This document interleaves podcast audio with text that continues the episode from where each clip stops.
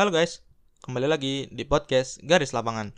Di hari Jumat yang indah ini seperti biasa ada uploadan baru dari kita ya. Yo, eh, benar banget. Apa kabar nih semua kawan-kawan garis lapangan? Ya, Para hakim, para hakim garis. garis kalian semua. Ya. Berita yang paling hangat minggu ini tentunya ada dipecatnya oleh Gunnar Solskjaer dari kursi kepelatihan Manchester United Ya. yang rumor yang paling kencang sebenarnya dalam beberapa hari kemarin ada Pochettino, kabar Pochettino yang mau diambil dari PSG Luis Enrique. juga Luis Enrique yang sempat ditawarin tapi akhirnya dia secara verbal menolak kalau nggak mau ngelatih MU Soalnya masih megang timnas Iya. Spanyol juga. Ada Juga juga, Zinedine Zidane. Zinedine Zidane yang kabarnya sempat juga bakal Menolak ditawarin juga. sama MU tapi akhirnya nolak juga dia ya. Hmm. Dan kabar terbaru juga mengabarkan kalau MU udah sepakat ngambil Ralf Ralf Rangnick yang kabarnya sebagai interim manager Selama enam bulan. enam bulan ke depan dan yang sudah fix, kabarnya yang udah fix. udah fix. Setelah itu dia kabarnya jadi direktur klub dari MU. selama 2 Direktur, tahun. direktur teknik ya. Ya, selama 2 tahun. Kalau di timnas Indonesia Dirtek itu dia pegang sama Indra Coach Syafri. Indra Syafri, ya. Iya. Ya secara track record Ralf Rangnick mungkin salah satu pelatih yang mengembangkan filosofi sepak bola Jerman. Iya, Kalau misal kita ngelihat ada di Inggris ada Liverpool yang di bawah Klopp dan juga Iya.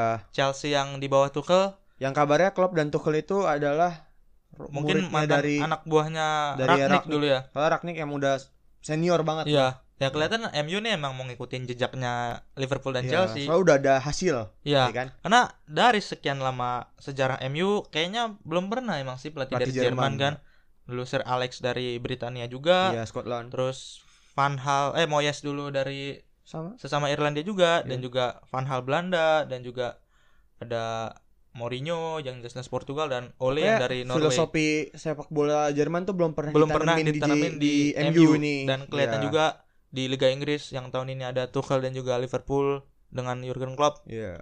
Kelihatan berhasil dan Udah ada MU hasilnya. MU kelihatan bahwa pengen ngikutin jejak mereka gitu. Iya. Soalnya emang makin ke bawah zaman tuh ternyata sepak bola Jerman tuh kan ngandelin fisik kan. Iya, Dan makin lama ya fisik emang yang paling penting di sepak bola kan. iya. Dan kalau nggak salah Jerman itu salah satu negara yang secara lisensi kepelatihan dari UEFA Pro mereka salah satu yang terbanyak di Eropa. Iya, lisensi pro ya paling Kalau misal kita ngebandingin sama negara-negara kayak Inggris, ya mungkin Jerman salah satu dengan pabrik pelatih terbaik Iya. saat ini di Eropa. Iya. Mastermind sepak bola makanya pelatih lah dari. Jerman. Nah, rencananya MU kan bersama si Ragnick itu 6 bulan sebagai pelatih interim. manajer manajer. Ya. Terus dilanjut dengan dia jadi direktur. teknik. Rencananya mungkin eh, setelah musim panas nanti bisa jadi antara Ten Hag yang dari Ajax Iya. atau bisa juga Pochettino yang kemarin sempat dirumorin juga jadi interim manager. Iya. Tapi kalau misalnya dari pandangan seorang fans MU nih, lu lebih milih Ten Hag apa Pochettino? Kalau secara track record di klub-klub sebelumnya mungkin Ten Hag salah satu opsi yang paling menarik sih kalau bisa dilihat. Tapi Musim- kan Ten Hag kalah sama Pochettino loh di semifinal UCL. Tapi kita lihat misal musim ini aja deh. Ya kita misal dari Pochettino dia eh, pengalaman megang tim-tim kecil kayak misal Espanyol.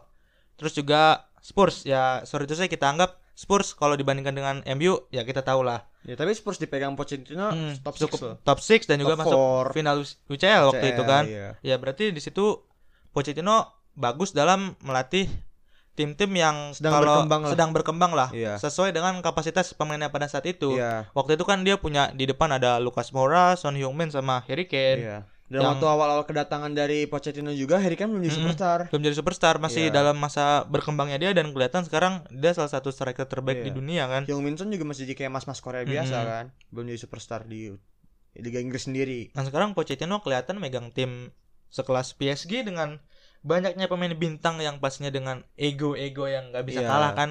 Malah Kelihatan kelihatan kemarin lebih lawan pusing. Manchester City, City. di Liga Champions diobok-obok mereka sih. Terseok Walaupun parah. secara skor cuma 2-1 2-1 tapi, itu mutlak kelihatan City. mutlak City sih. Hmm. Tiga pemain depannya aja nggak ada yang mau ngebantu solid defense buat Iya. setidaknya ngejaga Soalnya- daerah pertahanan sendiri lah. Apa namanya? eh, ketiga striker dari PSG itu semua kan bener-bener dominan lah. Iya benar-benar kayak superstar, lah, superstar Kayak lah. Superstar pasti superstar treatment kan nggak mau Mm-mm. mundur lah, nggak mau Mm-mm. defend. Bukan kayak role player biasa jadi kayak kalau ada satu dua superstar satu tim tuh masih oke lah. Iya. Nah, kalau udah tiga itu udah lumayan berlebih deh. Kalau misal kita bandingin pemain depannya PSG sekarang sama MU deh. MU sekarang ada Ronaldo, ada juga Rashford yang lagi gila-gilanya pemain muda pasti kan ada rasa ingin memberontak. Ego. Terus juga ada Sancho yang dengan Lagi- harga segitu pasti dia ngerasa kalau dia pemain bintang lah Ya, sekarang. Dan tapi sekarang Sancho juga kondisi lagi nyari form kan. lagi nyari form, lagi mau ngembaliin performa dia. Iya. Apalagi sejauh ini baru nyetak satu gol yang Kemarin lawan Villarreal itu.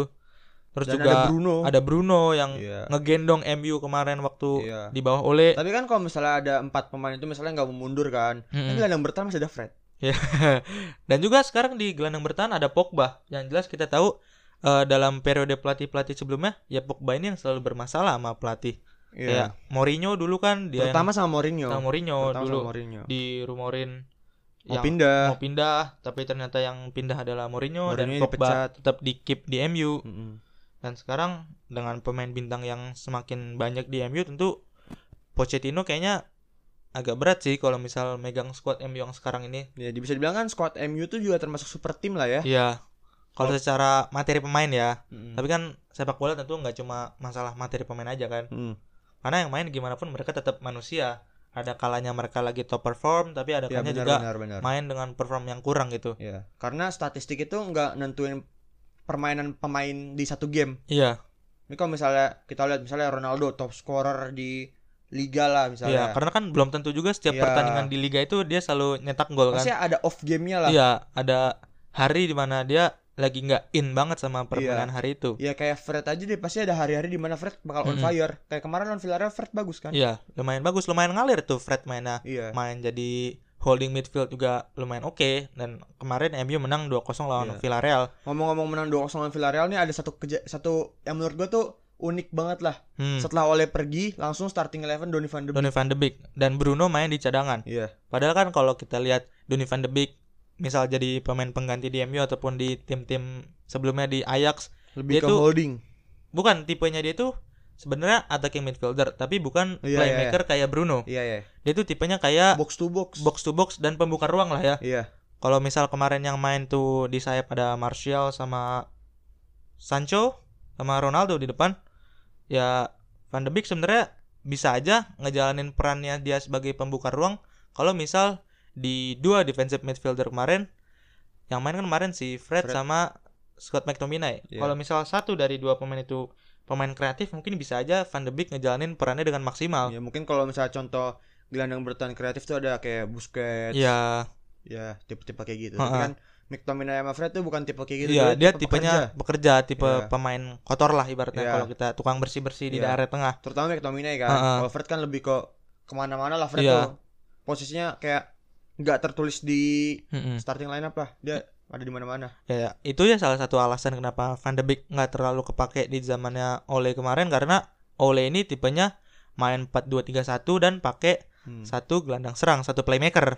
Dan nggak ada gelandang murni Iya, di, di antara gelandang di antara bertahan gelandang bertahan atau gelandang nyerang. Iya. dan karena kemarin Ole ngebet banget sama Bruno dan akhirnya dapet dan langsung kelihatan hasilnya kan gimana Iya. Bruno gilanya waktu awal kedatangan dia di MU Iya. Dan langsung jadi pemain terbaik MU pada saat itu waktu juga. waktu itu waktu Bruno pertama kali datang ke MU tuh orang-orang nggak ada yang tahu Bruno tuh siapa. Mm-mm, mungkin sekedar tahu aja lah kalau dia pemain-pemain lumayan oke di Iya, Sporting paling banter, gitu pada paling waktu banter itu. tahu Bruno dari FIFA. Mm-mm.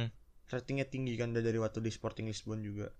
Apalagi pada saat itu Bruno ya relatif nggak ada pesaing berat di posisinya dia. Iya, karena itu Bruno yang dibeli buat ngisi posisi, Ngisi posisi itu, itu, posisi ya. yang kosong waktu itu. Meskipun ada Pogba ya kita tahu Pogba nggak terlalu Iya. maksimal kalau sebagai playmaker. Iya, ya, dia lebih tipenya ke juga box to box to box. box juga. Iya. Kalau dia benar-benar gelandang murni kan kalau Pogba tuh Mm-mm. sebenarnya. Karena di Prancis juga kan ada kalau di gelandang bertahannya ada Pak Ada, Kante, ada Kante, playmakernya ada Griezmann. ada Griezmann. Iya. Jadi dia gelandang box to boxnya lah. Terus kan kemarin juga waktu lawan Villarreal tuh Michael Carrick ya. Hmm, yang jadi Di caretaker. Caretaker Ya, coach. asistennya oleh kan ada Carrick, ada sama Mike Phelan. Ya, dan kemarin Carrick menurut gua ngejalanin kerja yang cukup bagus lah ya. Ya, Bisa menang 2-0. caretaker kan tentu situasi ruang ganti baru, apalagi setelah pelatih dipecat kan eh, psikologis pemain pastinya beda, ada sesuatu yang lebih fresh gitu untuk Iya. menjalani pertandingan bahwa ya lebih pengen menang lah ibaratnya kan Dan mungkin gitu. kondisi kemarin Oli dipecat ada beberapa pemain yang senang mungkin ya. Mm-mm. Contohnya kayak Eh, Donny van de Beek. Kelihatan chaos banget lah kayaknya Iya. ruang ganti MU kemarin tuh.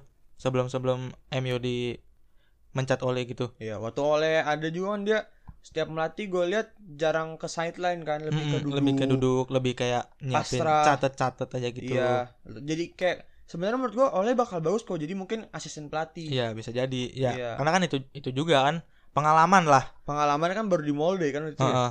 karena dulu kan Mourinho juga pengalamannya sempat jadi asisten juga apalagi Pep Mm. juga kan nggak langsung jadi pelatih kepala iya kayak Arteta di Arsenal sekarang kan juga sempat dulu jadi sempat jadi asistennya Pep. asistennya Pep kan Iya.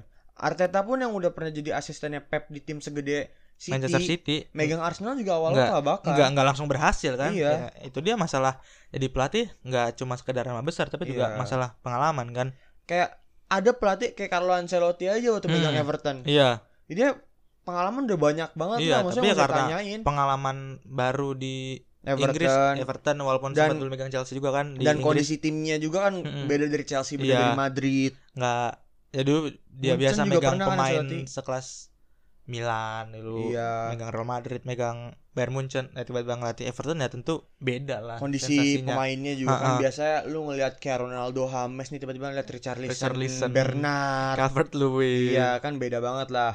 Nah terus juga pas kemarin rumor manajer interimnya MU juga sempat kan katanya mau Ernesto Valverde Iya. Sebenarnya Ernesto Valverde itu jujur, gue sebagai fans Barca ngakuin dia waktu Valverde masih ngejabat jadi pelatih Barca, hmm, kita nganggep Valverde itu pelatih biasa aja. hmm. Valverde pindah datang Setien. Zat Setien, Wah, wah, ini tuh langsung kita ngerasa Valverde Tuhan ya.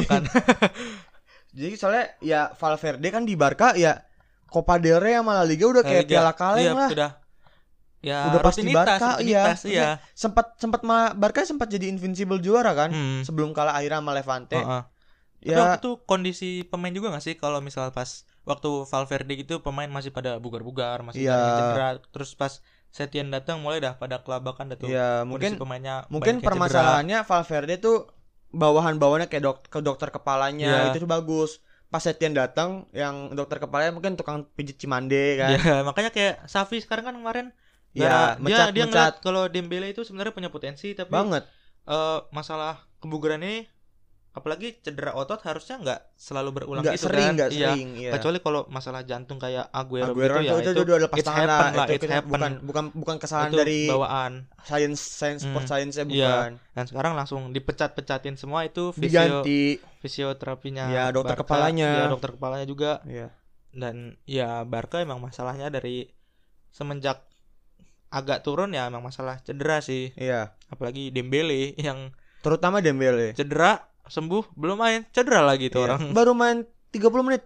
langsung cedera Kelar lagi. itu cedera lagi. Cederanya 4 bulan lagi. Iya. Dan sekarang yang lagi sering cedera malah Ansu Fati sama Pedri. Hmm, Ansu Fati juga apalagi Depay juga kelihatan kalau Memphis. di depan sendirian nggak terlalu moncer gitu. Dan dan Memphis itu menurut gue tipe-tipe pemain yang bisa dibilang bullhawk Hmm, dan dia tuh kalau misalnya jujur gue nyebut dia tuh protect ball merchant. ya Dia setiap dribble dia nge-protect ball doang habis Ah. itu kayak nyari ruang. nyari ruang. Sebenarnya bagus, tapi kalau misalnya temennya tuh nggak support atau nggak ngerti Depay ya bakal Hmm, susah. Iya, karena sewaktu itu dia juga harus jadi ini target man juga kan. Iya, soalnya kan emang Depay niatnya dibeli Kuman jadi target, target man. man. Apalagi Sebenarnya ada target man-nya. make nomor 9 Iya, sebenarnya target man ada satu lagi. Mas Luke, Mas Luke De Jong. iya kan? Sayangnya ya di tangan Safi Luke De Jong menurut gua nggak bakal kepake. Iya, karena kan dia sesama orang Belanda waktu zaman Iya, kemarin. dan Luke De Jong bisa dibilang tuh anak kesayangannya Kuman. Koeman Soalnya di timnas juga statistiknya Luke De Jong tuh nggak oke-oke bukan banget. striker. Golnya dikit, appearance banyak tapi golnya dikit. Terus Hmm. tetap dipanggil terus sama Kuman padahal ada kayak striker-striker lain dari Belanda yang kayak Weghorst, ada Bastos. yang mungkin bisa dibilang lebih bagus dari Luke De Jong oleh catatannya, tapi tetap di Luke De Jong dipanggil. Dan akhirnya sekarang Kuman pergi, Luke De Jong nggak kepake. Iya, Malah pemain-pemain muda Barca yang mulai naik naik lagi sekarang. kayak Ilyas, ada juga ba Abde, Iya, ada Gavi juga yang sekarang Gavi. mulai naik. Menurut, men- menurut gue tuh pemain-pemain muda itu ya sebenarnya fans bola casual tuh nggak bakal tahu mereka. Hmm, Cuma yang nonton yang Barca nonton aja. banget. Iya. Nah, terus juga kan ketika tadi kita udah bahas Pochettino yang jadi Iya. salah satu opsi MU buat musim panas nanti kemungkinan Iya. baru nyari pelatih baru. Saya kan kalau misalnya ganti pelatih secara permanen di tengah musim kan juga lumayan Iya, repot kan. Iyalah. Apalagi pasti kan kalau di tengah musim tim tuh mau nggak mau harus pakai buyout ya walaupun kita Iya. tahu MU duitnya nggak ada serinya. Iya, tapi kan pemiliknya Iya, lumayan pemainnya- pelit. Iya. Terus Glazer juga kan lumayan pelit. eh, tim lain yang mau ditebus pelatihnya juga belum tentu mau kalau di tengah Hmm. musim kan. Pelatihnya juga pelatihnya sendiri Mm. pun nggak belum tentu mau. Ya kalau kita lihat Ten Hag di Ajax sekarang nih yang jadi salah satu kandidat juga kan. Ajax di Liga Champion musim ini Lagi gacor. lima kali main di Liga Champion menang semua. Mm. Padahal di grupnya ya relatif lumayan berat lah kayak Enggak, ya lumayan ya bukan- selevel sama ya, Ajax. selevel sama Ajax gitu yang Ada ada Dortmund. setingkat di atas mereka lah mungkin mungkin Iya. Dortmund kan Dortmund. walaupun Haaland masih lolos cedera. Iya. Dortmund nggak lolos fix. Dan karena Haaland cedera itu ya ya langsung turun ke Europa League kan. iya. Haaland sembuh-sembuh dari cedera langsung pindah Iya. ke Liga Oren. Iya. Kok gue main malam Jumat nih? Biasa gue yasinan nih main. Dan berarti menurut gue ya kalau misalnya Dortmund Dortmund sekarang juga di Liga Jerman kan lagi bagus ya. Maksudnya Hmm, klasemen masih bagus. masih masih on track lah. Iya. Tapi kalau misalnya bakal kayak gini menurut menurut gue kalau misalnya Dortmund gak ada peningkatan nih. Haaland musim depan fix Haaland pindah. fix pindah sih. Iya. Karena kan kemarin juga rumor udah kenceng antara Chelsea, Chelsea, atau Madrid. ya. atau Madrid, City, MU lah Iya. sekitaran tim-tim yang duitnya nggak ada serinya itulah Iya, iya. yang Barca yang utangi yang ada muda. serinya. Lupa gue. Tapi kalau misalnya menurut lu nih, kan Mbappe ada rumor kenceng ke Madrid ya. Hmm, Kalau misalnya ditambah Haaland bakal jatuh kayak Mbappe, Messi, Neymar lagi nggak? Kalau di Madrid. Ada tambahan Benzema loh masih. Vinicius yang lagi bagus juga. kemungkinan kata gua Real Madrid enggak sih nggak terlalu ngincar Haaland sih. Mbappe aja Karena ya. targetnya dia Mbappe. Mbappe, ya, Apalagi Mbappe, Mbappe. udah menyatakan kalau saya mau pindah, terbuka loh, saya mau pindah, ya saya maunya aja. Real Madrid maunya Iya. kan. Dia bilang begitu. Kan dia kalau nggak bertahan Real Madrid Mm-mm. udah dua aja. Apalagi Madrid masih punya Benzema yang walaupun secara usia udah lumayan senior tapi lah sayang lah kalau usia Iya. segitu masih top perform juga kalau nggak sekarang dipakai kan Benzema juga lagi ada skan apa, permasalahan, permasalahan luar ada lapangan. kasus. Kasus lama sebenarnya. Mm, tapi yang baru dinyatakan bersalah. Iya. Dan yang terbaik aja lah buat Benzema. Mm-mm. Dan juga tapi kan masih ada Hazard ingat loh. Iya Hazard yang Hazard. Mungkin masalahnya mirip-mirip sama Dembele. Ini Ancelotti Ini nggak mau nggak mau mecat tim Iya. dokter Real, Ma- Real Madrid juga apa? Makanya. Nggak kalau Hazard malah kata gue masalah bukan kayak Dembele, Hmm, lebih ke formnya aja. dari formnya sih. Formnya juga belum balik-balik. Di timnas Belgia pun malah ada yang lebih gacor. Iya lebih bagus si Torgan- Torgan, Hazard. Torgan lebih gacor. Ada Lukaku juga kan kalau di sana mah. Ya pastinya kalau misalnya Mbappe ke Madrid secara di atas kertas skuadnya Madrid bakal jadi tambah deep banget. Iya sih kayak dulu waktu zamannya Zidane hat-trick Liga Champion kan Iya. waktu itu ya BBC lagi Panas-panasnya. lagi on top on topnya lebih Iya. mantep mantepnya. Dan Gareth Bale sekarang juga masih di Madrid. Ada Gareth Bale, ada Benzema. Apalagi Carlo Ancelotti pelatih pengalaman tentunya. Iya, yang udah kenal sama lingkungan Madrid Mm. juga dan bisa selalu ngembangin permainan Madrid kan. Tapi kan ya kita tahu kalau misal dulu pelatih yang sempat ngelatih terus balik lagi gitu. Kayak misal Mourinho dulu periode pertama di Chelsea bagus dan keduanya periode kedua kurang. di Chelsea agak kurang. Iya. Ya sekarang ada Ancelotti dulu periode pertama di Madrid sempat juara di Champion dan cukup bagus juga. Nah periode kedua ini sekarang kita belum tahu kayak Iya, gimana ya. Sejauh ini sih kalau di liga masih bagus. Iya masih oke oke aja lah untuk Iya. tim sekelas Madrid dan materi Bagus, bagus. pemain Iya, yang sebenarnya kok. Eh, peringkat atas apa? ya rata-rata lah Madrid materi pemainnya sekarang kan. Hmm, udah nggak se superstar dulu. Mereka nggak terlalu aktif juga kemarin di bursa transfer. Iya, karena Cuma ngedatengin si Alaba. ya karena itu juga free transfer. Heeh. Itu juga karena project Mbappe kan. Iya, Project Mbappe rencananya buat bursa transfer di musim panas besok kan. Iya, sebenarnya kan musim panas kemarin juga hampir fix Mbappe pindah. Udah fix 200 juta Iya. euro ya kalau Tapi sayangnya PSG mau PSG. run it back lah Iya. terakhir Hmm. Messi, Mbappe, Neymar. Dan ya kalau misalnya musim panas depan akhirnya Mbappe pindah secara free transfer ya menurut gua PSG bakal lumayan nyesel sih. Iya dan Madrid jadi tim yang paling beruntung di dunia mungkin di bursa Iya, transfer nanti. dibilang. Walaupun ntar pasti agen Mbappe minta duit yang lumayan Mm-mm. wow, tapi kan Karena kan transfer fee gratis pasti dia ada- gajinya minta iya, gede dong. Dan ada uang buat keluarga, Hmm. ada uang buat agen, Mm-mm. buat Mbappe-nya sendiri juga ada Mm-mm. uang transfernya. Tapi ya tetap aja lah nggak nggak se 200 juta juga. Apalagi belum lagi kalau misal PSG dapat banjir gelar musim ini, pasti eh, tuntutan gaji dari agennya ataupun dari Mbappe sendiri pasti lebih Hmm. gila kan. Iya. Tapi lu bisa bayangin gak sih kalau misalnya nih PSG udah rela-rela nge- ngebuang 200 juta lah ibarat Hmm, kata ya. iya, secara Terus- tidak langsung lah. Terus dia UCL nggak dapet Hmm, itu bakal ngisak banget sih. iya sih. Maksudnya ya kalau liga lig, liga Prancis dia dapat mah udah biasa lah ya. Hmm. Dari zaman Ibra Iya. Udah. Rutinitas, walaupun iya. sempat kecolongan sama AS Monaco sama Lille. Ogizinis. Ya, Lille. Oh ya, sama Lille Iya kemarin. kemarin. Musim kemarin. Ya, tapi ya Liga Prancis bukan targetnya PSG lah. Iya, targetnya siapa? Eh, Nasir ya, Nasir. Iya, Nasser Akalevi. Iya, iya, ya Liga UCL, Champion. Iya. Kalau bisa ya semua trofi dapat kan. Mm-mm. Ya, menurut gua bakal bas banget sih kalau misalnya nggak dapat UCL.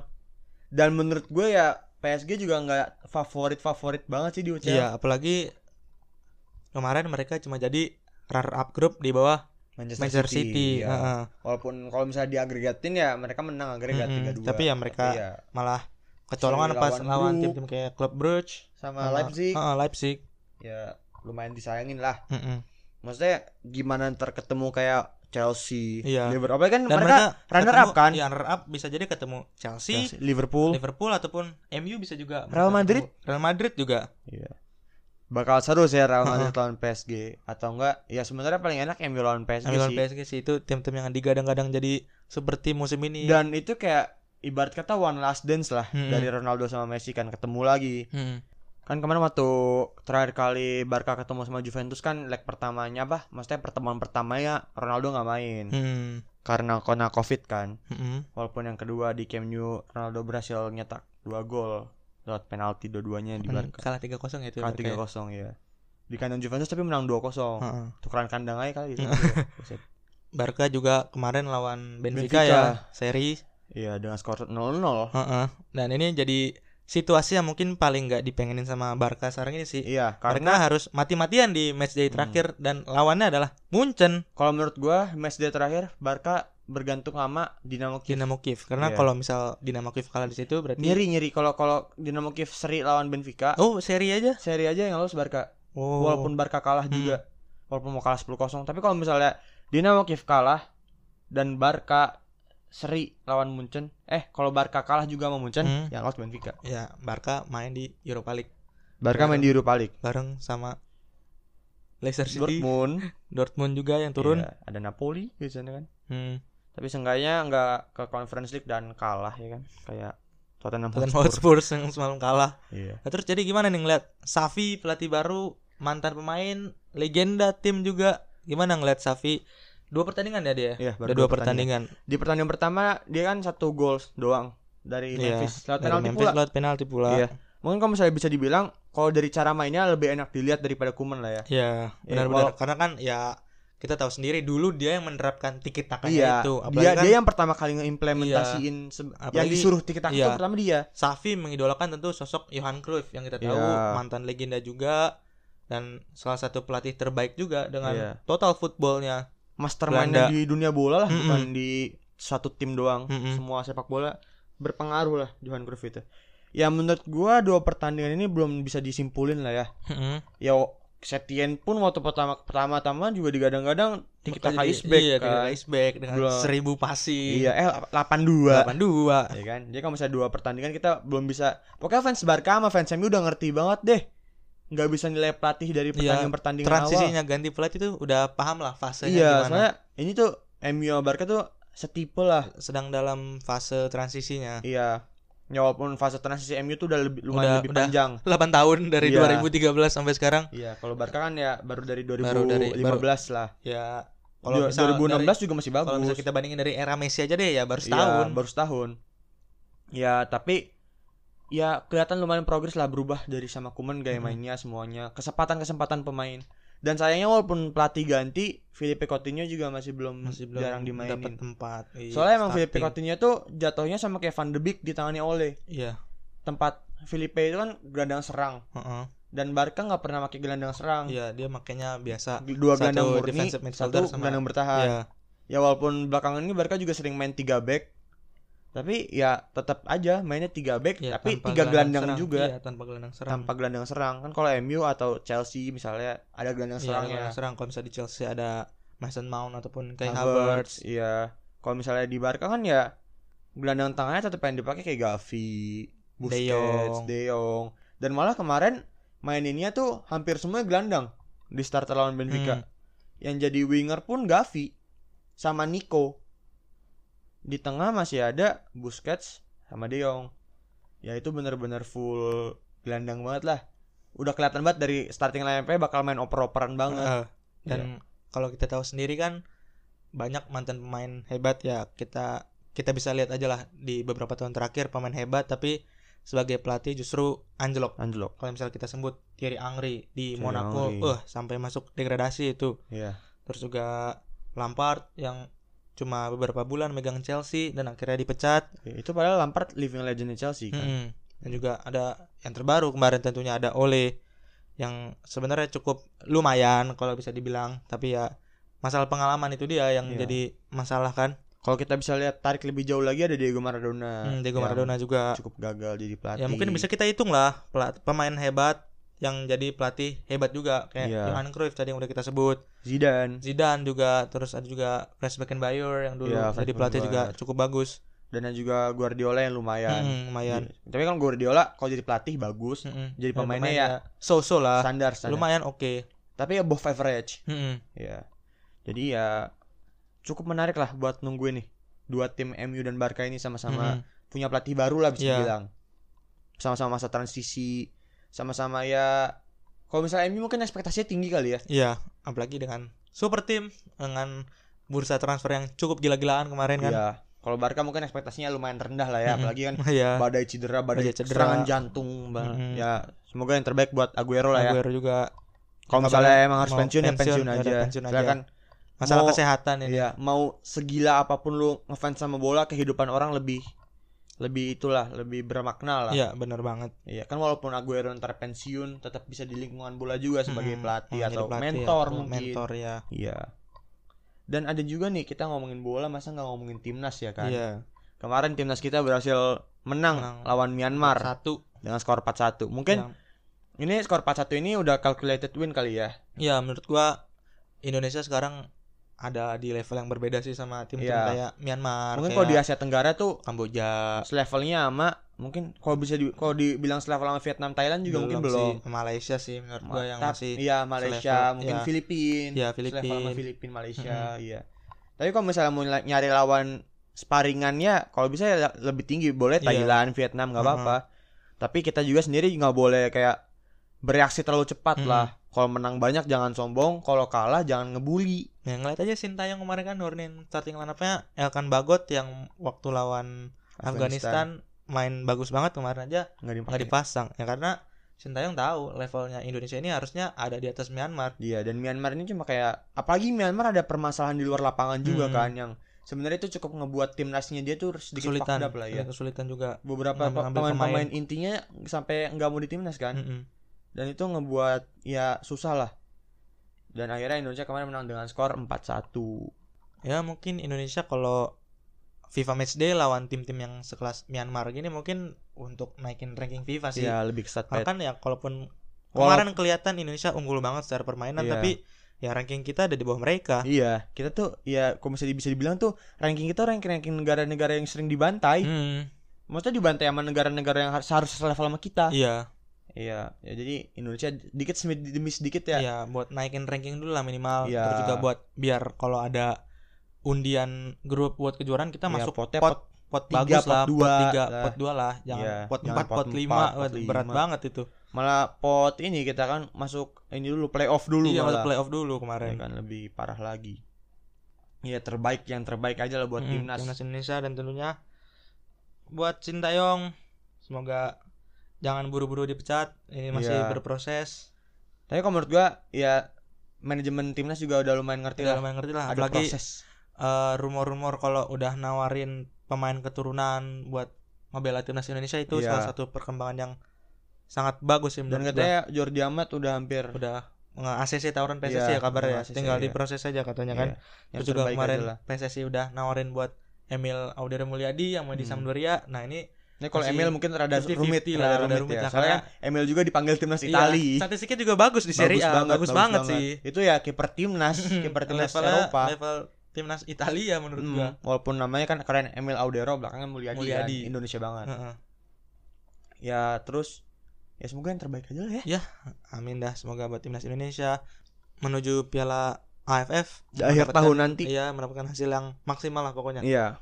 Kita juga jangan berekspektasi lebih, tapi Mhm. ya ekspektasi juara boleh soalnya kan Vietnam sama Thailand juga udah gak terlalu mandang AFF juga Mhm. kan. Lawan kita ya tetap lawan Eternals kita Malaysia. Malaysia Iya. yang tim itu bisa mendadak jago kalau lawan kita Lawan kita doang dan lawan kita doang. Ya ya udahlah. Mungkin hari ini segitu aja ya. bahasan MU, Barca dan juga timnas dari kita. Indonesia. Semoga kalian suka ngedengerin kita ngoceh kayak gini ya. Iya. Selalu dengerin podcast, Podcast kita, Garis lapangan dan juga follow juga. episode yang kemarin tim breakdown spesial ngebahas full ngebahas Arsenal. Iya, dan itu banyak banget hal-hal menarik di situ. Iya. Kalian semua harus dengerin deh. Dan juga follow juga akun sosial media kita di Twitter dan juga Instagram di @garislapanganid. Iya. Ya udah, gitu aja. Jangan lupa tungguin kita hari Selasa Jumat besok. Iya. Dan Sampai jumpa di episode berikutnya. Ciao. Bye bye.